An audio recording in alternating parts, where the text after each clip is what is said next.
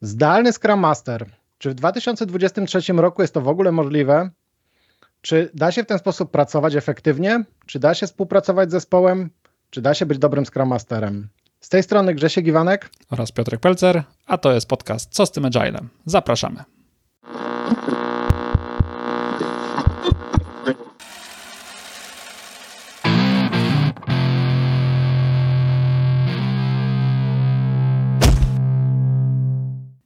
Piotrze, postawiliśmy na wstępniaku taką tezę, czy Scrum Master może być na zdalnym. E, jak wiemy, warunki, które wydarzyły się przez ostatnie trzy lata, mam to na myśli głównie epidemię e, COVID-a, spowodowały, że w zasadzie jest to takie pytanie, na które odpowiedzieć sobie możemy tylko tak, e, bo sytuacja zmusiła nas do tego, zmusiła w zasadzie efektem tej sytuacji było to, że w zasadzie wszyscy przenieśliśmy się na pracę zdalną, więc E, mniej lub bardziej ta praca w ten sposób musiała się odbywać. Natomiast w tym momencie jesteśmy na etapie powrotu do biur, jesteśmy na etapie pracy hybrydowej bądź, bądź całkowicie zdalnej. Jak Twoim zdaniem to wygląda po tych trzech latach doświadczeń? No, ja bym chciał zacząć od tego, że praca to jest coś, co robimy, a nie miejsce, do którego chodzimy, więc wychodząc z tego założenia, praca zdalna powinna być możliwa. Natomiast faktycznie w roli Scrum Mastera no, jest to o tyle specyficzne, e, że uważam, że jest to trudne. Da się to robić, ale wymaga to przygotowania do tego, przemyślenia, co będzie, co, jakie będą wyzwania i przygotowania sobie rozwiązań na te wyzwania. Tak? Wymaga to dodatkowej nauki, poznania pewnych narzędzi, pewnych technik i przygotowania się. E, zanim przejdziemy do tych największych wyzwań, o których tutaj e, wspomniałeś i sposobów, jak sobie z nimi radzić, ja mam takie pytanie, bo mm, wróćmy na chwilę do przeszłości, wróćmy do, do roku 2018 i dyskusji na temat wtedy, jaka się odbywała na temat tego, jaki jest najbardziej efektywny model pracy zespołu deweloperskiego, czy w ogóle zespołu, który chce pracować zwinnie. Chociażby w nawiązaniu do e, manifestu zwinności, który wprost mówi, że najbardziej efektywną formą komunikacji jest komunikacja twarzą w twarz. E, jak zmieniły się przez te lata postrzeganie tego sposobu pracy? No, czy wyobrażasz sobie w ogóle, czy przyszło ci do głowy w 2018 roku, że kiedyś będziesz mówił na przykład na podcaście, że ta praca jest możliwa w tym momencie? No nie wiem, czy wtedy by mi przyszło do głowy. Pewnie, pewnie by był zdania, że jest to skrajnie trudne. Natomiast odpowiadając na Twoje pytanie, y, to zdanie z manifestu jest prawdziwe. Komunikacja face to face nadal jest najbardziej efektywną formą komunikacji. Pracując zdalnie, no jest ona niemożliwa z definicji. E, natomiast y, biorąc pod uwagę, że jest ona niemożliwa, no musimy szukać następnej najlepszej rzeczy. Następna najlepsza rzeczy, rzecz to jest komunikacja na jakimś kanale y, głosowym z włączoną kamerą. Włączając kamerę, dodajemy sobie jedną więcej warstwę komunikacji, przez którą płynie przekaz. Nie włączając jej, robimy sobie ogromną krzywdę, e, tak wielką, że ciężko to sobie uzmysłowić. Pewne badania mówią, że sama komunikacja e, głosowa, werbalna odpowiada, no tutaj oczywiście są różne, różne procenty w różnych badaniach podawane, ale gdzieś to jest między 7 a 20%. Cała reszta to, jest, to są inne kanały. No i oczywiście kanał wizualny, gdzie widzimy wycinek swojego ciała, powiedzmy kawałek tułowia i głowę, to już jest bardzo dużo. E, natomiast ograniczając sobie to, odbierając sobie tę możliwość, no dociera do nas te powiedzmy 7-20% całego przekazu, co przecież to jest bardzo mało, tak? To jest nim, upraszczając bardzo, nie wiem, jedna trzynasta do jednej piątej. No, mało. E, z jednej strony masz rację, z drugiej strony mm, e, tak jak mówisz, jeden wycinek na, naszego ciała i jakby kawałek, który obserwujemy, ale też jakby komunikacja w ten sposób sprowadza nas do takiego poziomu stricte zadaniowo pracowego, prawda? Co, jeżeli pracujemy całkowicie zdalnie, no to umyka nam całościowo ten aspekt współpracy i jakby kontaktu z ludźmi, które mamy na, na przykład w kuchni, na przerwie gdzie tam e, sobie kawę, możemy wiele rzeczy ustalić, możemy wiele rzeczy się dowiedzieć. W tym momencie to naprawdę z punktu widzenia zorientowania się, co się dzieje w zespole, zorientowania się, jak, e, jakie są chociażby nastroje, mm, co się wydarzyło, nie wiem, zamienienia paru zdań na, na ludzkim poziomie, no cały ten element nam w tym momencie unika, prawda? Nawet jeżeli chcemy, chcemy mieć jakieś takie e, informacje bezpośrednio od kogoś, o coś go zapytać, no to zawsze to już wygląda w taki sposób, że kogoś dzwonimy, umawiamy się na jakiś catch-up, umawiamy się na jakiś taki one-to-one, No i ta dyskusja nie jest już aż tak luźna, aż tak, aż tak miarodajna. Ale chciałem jeszcze nawiązać do Twojej wypowiedzi sprzed chwili mm, w kwestii tego 2018 roku, bo ja to muszę powiedzieć ze swojej perspektywy. Gdybyś mnie w 2018 roku zapytał, czy zespół, czy deweloperski, czy zespół skramowy, czy zespół chcący pracować zwinnie może być full remote, e, to bym powiedział, że pewnie to będzie bardzo trudne i wolałbym, żeby ten zespół jednak od czasu do czasu był w biurze, chociażby po to, żebyśmy się co jakiś czas spotkali, nie wiem, na przykład na retro, żeby na retro każdy był w pokoju i mógł się, mógł się wypowiedzieć. Natomiast sytuacja, która się wydarzyła, e, w zasadzie z dnia na dzień zmusiła nas do zmiany tego mindsetu. I e, szczerze mówiąc, teraz po tych trzech latach doświadczeń, e, dalej uważam, że jest to ciężkie, natomiast nie niemożliwe. Tak jak powiedziałeś, wiele aspektów trzeba przygotować, wiele aspektów trzeba wymyśleć, na wiele innych aspektów trzeba zwrócić uwagę, zwłaszcza w przypadku E, na przykład budowania prawidłowej komunikacji i zwracania uwagi chociażby na narzędziowość, bo wcześniej można było podejść do kogoś do biurka i zobaczyć na przykład, e, zadać mu jakieś pytanie. Albo nie wiem, organizując jakieś warsztaty, podzieliłeś zespoły na stoliki, widziałeś, przy którym stoliku się coś nie dzieje. Teraz na przykład robisz sobie breakout roomy w jakimś narzędziu i nie jesteś w stanie być we wszystkich breakout roomach. Nie wiesz na przykład, czy komuś idzie gorzej, czy komuś idzie lepiej, czy ktoś się zaciął, czy ktoś na przykład w tym momencie e, nie do końca wie, co ma, e, co ma robić. To są różnego rodzaju inne wyzwania, z którymi trzeba się mierzyć, ale z drugiej strony jeszcze jedną rzecz chciałem powiedzieć, że to nie jest tak, że praca zdalna i praca e, poprzez komunikatory czy poprzez narzędzia do pracy zdalnej nie istniała wcześniej, bo jednak w dużych firmach z reguły było tak, że zespoły były rozrzucone po świecie. Chociażby z poziomu na przykład zespołów deweloperskich albo zespołów stricte biznesowych, albo na przykład e, e, były, były jakieś pojedyncze osoby z innych kontynentów wręcz czasem, albo wręcz czasem firma na przykład miała tylko oddział na przykład w Polsce, a cała firma była w USA, więc to, to nie jest tak, że taka praca wcześniej nie istniała. Natomiast e, jakby zjawisko, w którym musieliśmy się całkowicie na nią przełączyć, było jednak czymś, czymś nowym. No tak, oczywiście zespoły rozproszone to nie jest jakieś nowe pojęcie. Ja sam w zasadzie od początku swojej kariery w każdej pracy jako deweloper pracowałem w zespołach rozproszonych, gdzie mieliśmy część, e, część naszego zespołu, czy to w innym mieście w Polsce, czy po prostu za granicą na innym kontynencie.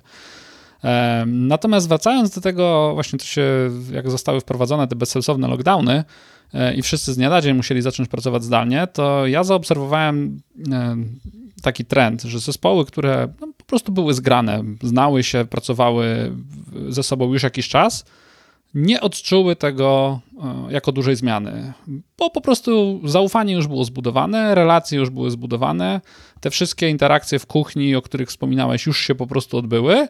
E, no więc taki zespół pracując zdalnie dalej świetnie się rozumiał i ta komunikacja wyglądała bardzo efektywnie i praca takiego zespołu była bardzo efektywna. Natomiast zespoły, które zostały utworzone w warunkach zdalnych w czasie lockdownów, e, to już zupełnie inna bajka. Zespoły, które pracując ze sobą powiedzmy rok bądź dłużej i w tym czasie nie miały okazji się zobaczyć face to face ani razu, e, były bardzo nieefektywne E, i momentami były wręcz e, na granicy wyrzucania pieniędzy w błoto. To ciekawe spostrzeżenie, muszę powiedzieć. Mam jeszcze jedno pytanie odnośnie Twoich spostrzeżeń. Czy zaobserwowałeś może, żeby te zespoły, o których mówisz, które na początku działały sprawnie jeszcze przed lockdownem i mm, zostały jakby zmuszone do przejścia na pracę full zdalnie, czy zaobserwowałeś, że ta komunikacja w tych zespołach na przykład jest dużo gorsza po jakimś tam czasie? Bo ja rozumiem, że na przykład początkowo ludzie faktycznie się kontaktowali przez e, Teamsy, zresztą na początku w ogóle lockdownów było dużo takich inicjatyw, typu jakieś tam wieczorne na przykład wspólne kole, gdzie każdy sobie przynosił nie wiem, e, e, kieliszek wina albo szklaneczkę whisky i ludzie rozmawiali o normalnych tematach, bo było to związane z faktem na przykład, nie wiem, zakazu wychodzenia albo, albo czegoś w tym stylu. Natomiast czy z czasem to zmęczenie lockdownami, pracą zdalną, ale również e, to, że na co dzień nasza praca zaczęła wyglądać inaczej, bo zaczęło nam e, w pracę wchodzić życie prywatne, nie oszukujmy się też. Czy to Twoim zdaniem miało wpływ na komunikację w tych zespołach i jakby, jakby ten, ten taki zespołowy duch ja, tak, tak, miało wpływ. Natomiast myślę, że to właśnie niedługotrwa, niedługotrwała praca zdalna to spowodowała, tylko te właśnie wszystkie inne rzeczy, które wymieniłeś, tak? Te wszystkie utrudnienia naszego życia, które miały miejsce naokoło, e, to właśnie to powodowało, że po prostu ludzie mieli mniej energii, mniej woli do czegokolwiek, w tym również do pracy i dlatego to właśnie miało wpływ na pracę. No, no na przykład dzisiaj e, mamy dalej zespoły, które pracują zdalnie, e, i myślę, że tych takich e, utrudnień, że tak powiem, widocznych w czasie, czy tam powiedzmy takiej zjazdu jakiegoś poziomu energii i zaangażowania nie obserwuję. Dobra, e, pogadajmy może o wyzwaniach. Pogadajmy e, dzisiaj o takim konkretnym wyzwaniu, o którym już zaczęliśmy tutaj rozmawiać, mianowicie o tym, jak bardzo zmienił się sposób komunikacji w momencie pracy zdalnej. Gdyż jak już ustaliliśmy, Scrum Master może pracować z, e, zdalnie, może pracować z zdalnymi zespołami. Jak w takim razie poradzić sobie z tym, wydaje nam się najważniejszym wyzwaniem, czyli, czyli z komunikacją w zespole? OK, czyli przechodzimy od razu do rozwiązań tych wyzwań. E, więc tak, no dlaczego, dlaczego ta komunikacja zdalna jest takim największym wyzwaniem? No właśnie dlatego, że najtrudniej zbudować jest to takie zaufanie międzyludzkie na, na podstawowym poziomie. E, skoro nie mamy, znaczy w ogóle pierwsze, co bym radził w dniu dzisiejszym, to szukać możliwości, żeby ten zespół jednak się spotkał. E, nie spotykał się codziennie, tylko po prostu się spotkał. Jeżeli mamy sytuację, że pracujemy z różnych krajów, to być może możemy zaplanować z jakimś wyprzedzeniem po prostu spotkanie face to face, jakieś warsztaty, żeby to nie było spotkanie dla spotkania, tylko żeby to miało jakąś wartość e, biznesową również. E, no i poznać się, spędzić ze sobą trochę czasu i w ten sposób przyspieszyć budowanie tego zaufania. E, natomiast jeżeli to jest niemożliwe, bądź jeżeli to jest mocno oddalone w czasie, no to nie ma co zwlekać do tego momentu. Jest szereg innych technik, które rekomendowałbym, żeby stosować. No i pierwszą rzeczą to jest właśnie ta kultura włączania kamer, czyli coś, o czym mówiłem wcześniej. Zwiększmy sobie ten, to pasmo komunikacyjne i dajmy sobie szansę na lepsze poznanie się. E, kolejne rzeczy, które no, wprowadzałem w wielu, w wielu, zespołach i widziałem, że działały bardzo fajnie, to po prostu zróbmy takie, tak, zróbmy wirtualną kawę, tak? Ty wspominałeś o takich wieczornych spotkaniach, też oczywiście to robiłem, to już mówimy o takich czysto integracyjnych spotkaniach, powiedzmy po pracy, gdzie każdy z kieliszkiem wina po prostu albo spędza czas razem, rozmawia o czymkolwiek, może grają razem w jakąś grę. No jest cały szereg tej możliwości. E, natomiast w, trakcie pracy znajdźmy sobie czas na taką wirtualną kawę, czyli spotkanie, gdzie się wzwaniamy, nie po to, żeby przedyskutować jakiś temat związany z naszymi zadaniami, tylko po prostu pogadać. Niech to będzie to, nie wiem, 15 minut, co drugi dzień, może nawet codziennie, może pół godziny, dwa razy w tygodniu. Tutaj są różne formaty, które się sprawdzają w różnych zespołach, ale zauważyłem, że one działają. Kolejną techniką, e, ja to nazywam tak zwany open channel, czyli na przykład mm, pracowałem z zespołami, które mają taki kanał, który jest czynny cały dzień na jakimś narzędziu typu Teamsy. E, I tam ktoś może wejść i wyjść z niego w dowolnym momencie. Jeżeli mam w tej chwili powiedzmy trochę wolnego czasu i chciałbym sobie po prostu z kimś pogadać, czy to o jakimś zadaniu, czy to po prostu na chwilę się, się rozluźnić, to cały zespół może do tego wchodzić, wychodzić e, i mamy takie, taką symulację właśnie miejsca, gdzie możemy się spotykać. Taką symulację miejsca takiego chill-out roomu, który często w biurach się znajdował, prawda? Gdzie można było sobie usiąść na pufach i po prostu porozmawiać. Dokładnie. No to jest bardzo, bardzo fajna e, propozycja tak na dzień. Ja bym się chciał podzielić takim swoim doświadczeniem e, zbudowania komunikacji w zespole bardzo, bardzo rozproszonym. I mm, chciałbym też tutaj powiedzieć, to nie był stricte zespół deweloperski, ale zespół, który chciał pracować zwinnie nad konkretnym e, zadaniem. E, Zespół był w pięciu różnych strefach czasowych. Były tam osoby z Australii, były osoby z Argentyny, e, z Europy, ale również w Europie z Wielkiej Brytanii, z Polski, e, z Kanady. E, więc co istotne, zespół ten nie miał szans pracować nigdy w takim momencie, żeby się spotykać. Jeżeli ktoś nie zdaje sobie sprawy, no to osoby które pracują w Australii z reguły kończą pracę w okolicach naszej dziewiątej rano, a zespoły, e, osoby na przykład z Kanady rozpoczynają pracę około naszej, naszej trzynastej. E, I teraz zanim ktoś mi jeszcze powie, no, że ten zespół oczywiście był zbudowany w ten sposób źle, więc trzeba było go zbudować inaczej, od razu chcę powiedzieć, że istota zadania, którym, z którym ten zespół się mierzył, wymagała, żeby z każdej z takich stref był mm, przynajmniej jeden przedstawiciel i e, nie było to zrobione przez pomyłkę ani oszczędnościowo, tylko było zrobione to dokładnie w taki sposób, mm, w jaki, mm, e, w jaki była po prostu ku temu potrzeba. Moje wyzwanie jako Scrum Mastera było ten zespół poznać, ustabilizować, określić z nimi ścieżki komunikacyjne. I co jeszcze istotne, powiedziałeś, że zespoły, które rozpoczęły pracę w COVID-zie, no to były zespoły, z którym było, pozwolę sobie powiedzieć tak łagodnie, dużo, dużo gorzej im szło e, na nucie dostarczania i na nucie bycia po prostu efektywnymi. Więc e, powiem od razu, ten zespół powstał dokładnie e, na samym początku COVID-a, kiedy rozpoczęła się praca zdalna, co w zasadzie w jego przypadku nie miało aż takiego znaczenia, bo i tak byłaby to mm, e, praca, praca raczej zdalna.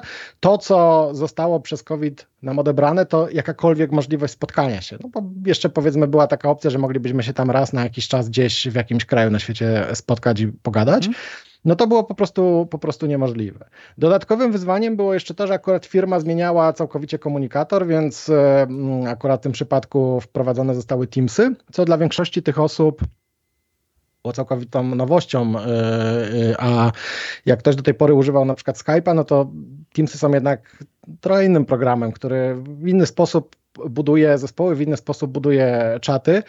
E, no i dla nich to była również, również e, nowość. I od razu też chciałbym zaznaczyć, że mm, e, to nie był zespół, który w założeniu miał pracować w Scrumie stricte, miał pracować zwinnie, czyli miał korzystać z najlepszych zwinnych praktyk, dostarczania wartości, zbierania feedbacku, prawda, inspect and adapt. Niekoniecznie stosując framework scrumowy jeden do jednego, dlatego że akurat w przypadku tego zadania nie było to aż tak aż tak korzystne. No i pierwsze to chciałem powiedzieć, jaka była tu rola moja jako Scrum Mastera na początku tego, e, tego procesu, bo e, zawsze, mówiliśmy o tym w kilku naszych nagraniach, zawsze trzeba sobie zadać pytanie, jak najbardziej ja będę użyteczny jako Scrum Master dla tych ludzi i akurat w tym przypadku moim zdaniem, to na co postawiłem, pierwszym punktem było właśnie ustabilizowanie właściwej komunikacji.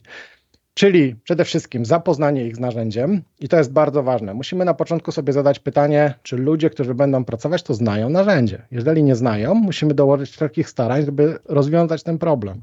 Jak? No jest wiele sposobów. Można oczywiście e, spróbować e, postawić na to, że sami się tego nauczą, ale jeżeli akurat znamy to narzędzie, no to można przygotować im instrukcje, można przygotować im e, poradniki, można im zrobić szkolenie, można im pokazać. Można im na przykład, mówimy akurat o Teamsach, wyjaśnić, jaka jest różnica między zespołem, a jaka jest różnica między czatem, jak stosować na przykład, tak jak powiedziałeś, e, takie pokoje, gdzie można zrobić taki czat ad hocowy, że nie trzeba wszystkiego planować, e, mm, po to, żeby oni jakkolwiek na początku wiedzieli, jak takie, jak takie narzędzie e, stosować. W ogóle wspomniałeś o tych narzędziach, to jest, to jest bardzo cenne, bo narzędzia to jest właśnie coś, co powinniśmy zacząć wykorzystywać coraz bardziej w pracy zdalnej. E, Teamsy oczywiście, te breakout roomy na przykład na Teamsach, to, to, to, to jest coś, co uważam, że każdy powinien tą funkcjonalność znać i umieć jej użyć e, w dowolnym momencie.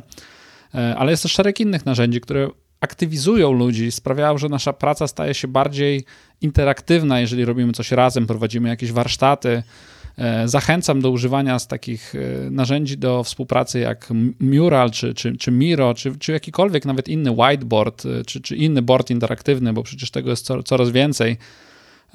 To są narzędzia, które robią różnicę, bo naprawdę jest kolosalna różnica między spotkaniem, gdzie mamy wzwonionych 10 osób, nikt nie ma włączonej kamery, większość czasu wszyscy są wymiutowani i poziom energii jest zbliżony do zera, E, a spotkaniem w przestrzeni, gdzie widzimy wszyscy swoje kursory i to, co robimy w danym momencie, i widzimy, że tworzymy coś razem, jesteśmy w to zaangażowani, e, efekty są dużo lepsze i praca idzie dużo szybciej, i wszyscy są w ogóle usatysfakcjonowani z tego, co robią, nie czują się, nie cierpią, będąc na jakimś spotkaniu w pracy. Masz oczywiście rację. To jest bardzo, to jest bardzo istotne. E, chciałbym kontynuować mój wątek z pracy z tym, z tym e, zespołem. Pierwszym, pierwszym punktem, tak jak już powiedziałem, było ustabilizowanie mm, tego, żeby osoby wiedziały, jak korzystać z narzędzi i to na poziomie czatów, na poziomie coli, na poziomie w ogóle planowania w tym narzędziu, ale również na poziomie repozytoriów dokumentów, na przykład i zasad jego wykorzystywania. Czy struktura e, dokumentów ustalona ze wszystkimi, czy struktura chociażby katalogów, czy zasady kto jest ownerem dokumentu, kto może modyfikować. To są wszystko wbrew pozorom bardzo ważne tematy przy pracy, przy pracy zdalnej, żeby unikać później problemów, kto zmienił gdzie, co, dlaczego i po co. Kolejny ważny punkt to było przygotowanie i ustalenie wszelkiej maści spotkań, tak zwanych touchpointów. Kiedy się spotykamy, po co, jaki jest cel naszych spotkań. Myśmy akurat postawili na e, spotkania typu stand-up nie codziennie, ale trzy razy w tygodniu i postawiliśmy w taki sposób, że co tydzień były w cyklach jakby tygodniowych i co tydzień mm, zmienialiśmy godzinę e, Raz były po prostu o 9 rano, raz były po prostu o 14. I to były spotkania e, po to, że w danym tygodniu osoby z określonych stref czasowych mogły się łączyć normalnie na, na spotkania i no, mieliśmy normalnie z nimi kontakt. Natomiast w następnym tygodniu były to e, osoby z innych stref czasowych. To oczywiście również spowodowało, że musieliśmy ustalić jasne ramy współpracy, jak osoby, które nie są w stanie w tym, w tym momencie się po, połączyć, y, będą brały w tym udział. W jaki sposób mają zgłosić swoje zastrzeżenia, w jaki sposób mogą zgłosić pytania, w jaki sposób mogą podnieść jakieś problemy, które z nimi y, się spotykają. W tym celu mieliśmy na przykład specjalny czat, który był y, tylko takim czatem y, na Argent problemy, gdzie generalnie osoby mogły w dowolnej chwili wznieść jakiś, jakiś y, problem. No bo co istotne, oczywiście nie, nie, nie, nie były to spotkania po to, żeby raportować postęp, bo nie, nie o to w tym chodzi, tylko żeby móc odpowiedzieć sobie na pytanie, w jakim miejscu jesteś i czy, czy jesteś w stanie pchać to do przodu, czy jednak potrzebujesz czyjejś, czyjejś yy, uwagi. I yy, ja oczywiście zdaję sobie sprawę, że jeżeli popatrzymy na ideę codziennych spotkań, no to pierwszy punkt jest oczywiście taki, że te spotkania muszą być codziennie, drugie powinny być o tej samej godzinie, w tym samym miejscu, po to, żeby zmniejszyć e, e, complexity tego rozwiązania i nie budować zbędnych problemów. Natomiast trzeba sobie jasno czasami odpowiedzieć na pytanie, czy jest to możliwe. W tym przypadku nie było to możliwe, więc również rolą zdalnego Scrum Mastera było ułożyć to w taki sposób, zaproponować takie rozwiązania, ustalić takie rozwiązania, żeby były korzystne dla wszystkich osób w zespole, a jednocześnie zapewniały w dalszym ciągu tą, e, tą komunikację. Uważam, że w tym przypadku to się bardzo dobrze, bardzo dobrze udało. Działało to w ten sposób przez półtora roku istnienia tego zespołu. E, I e, chciałbym z tej strony jakby zarekomendować również czasami próbę zastanowienia się i wyjścia poza ogólno przyjęte e, zasady ze, z blogów czy, czy stron internetowych. Zdecydowanie bardzo fajna historia i też taki case e, pokazujący, że, że da się i można zrobić e, zmianę i tak poprowadzić zespół w trudnym momencie, gdzie wiele osób jest szokowanych sytuacją, która dla nich jest zupełnie obca, bo nigdy nie pracowała full remote. No i stosując te metody, które wspomniałeś, to po prostu działa. E, na koniec w ogóle chciałbym wyekstrapolować trochę z tego, bo wspomniałeś o, o, ustaleniu pewnych zasad, tak, żeby zespół się zgodził na pewne rzeczy. E, przecież ustalenie takich zasad to z jednej strony jest coś, co się powinno wydarzyć w każdym zespole, czy zdalnym, czy hybrydowym, czy niezdalnym. Natomiast faktycznie w zespołach zdalnych bardzo ważne jest to, żeby w tych zasadach ująć wszystkie te punkty, wyjaśnić te niejasności, e, żebyśmy wiedzieli, na co się zgadzamy i jak sobie pomóc naszą współpracą, jak to poukładać, żeby to było dla nas wszystkich zarówno efektywne, jak i przyjemne. E, ja chciał jeszcze tylko podkreślić jedną rzecz. Z punktu widzenia e, Scruma sterowania, z punktu widzenia osoby, która ma pchać ten zespół do osiągania wyników i nie boimy się powiedzieć sukcesów. E, w przypadku pracy zdalnej i ustaleniu takich elementów bardzo ważne będzie doświadczenie, bo będzie bardzo trudno odpowiedzieć sobie czasem na pytanie, czy to, co teraz ustalamy, ma sens. Nie? Jednak tak. w momencie, w którym mamy doświadczenie, jesteśmy w stanie na przykład powiedzieć, że słuchajcie, no to jest znakomity pomysł, który tutaj mamy, natomiast mamy komunikator typu Teams, nie wiem, Slack i on akurat nie wspiera takiego rozwiązania.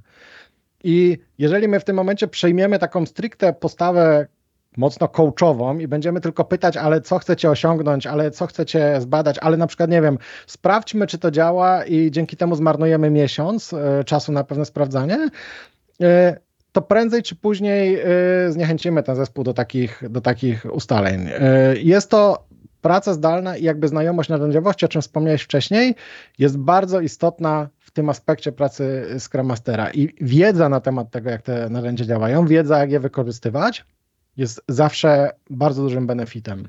Dokładnie tak. No w ogóle podejście stricte coachowe zawsze, żeby zespół był samoorganizujący się, uważam, że jest błędne. Oczywiście, że zespół się powinien samoorganizować, ale jeżeli po prostu wiemy, mamy jakieś doświadczenie, że coś działa lub nie działa, no to oszczędźmy wszystkim dużo czasu i dużo frustracji, no bo w ten sposób to działamy tylko chyba na szkodę zespołu, a nie na korzyść.